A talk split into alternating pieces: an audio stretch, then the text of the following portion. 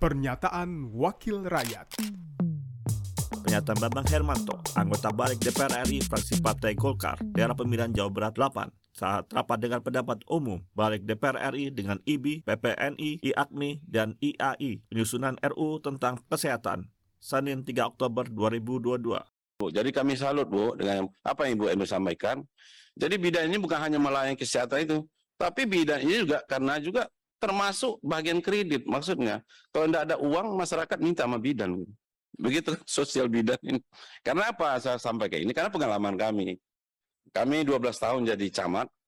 Jadi kami memang turun bersama-sama dengan bidan terutama dalam pencapaian apa namanya eh, target KBKB gitu. Jadi bidannya ada kaki tangan kami. Jadi ibu bidan itu memang sampai lalu Pak kami ini bukan hanya melayani orang melahirkan, melayani apa namanya ya bidang kesehatan, tapi banyak loh. Disangkanya kami punya pohon duit di belakang itu, pohon uang. Jadi setiap pagi bisa dipetik, bisa dipinjam ke masyarakat gitu loh anggapannya. Sampai seperti itu uh, humanisnya hati kemanusiaan bidan.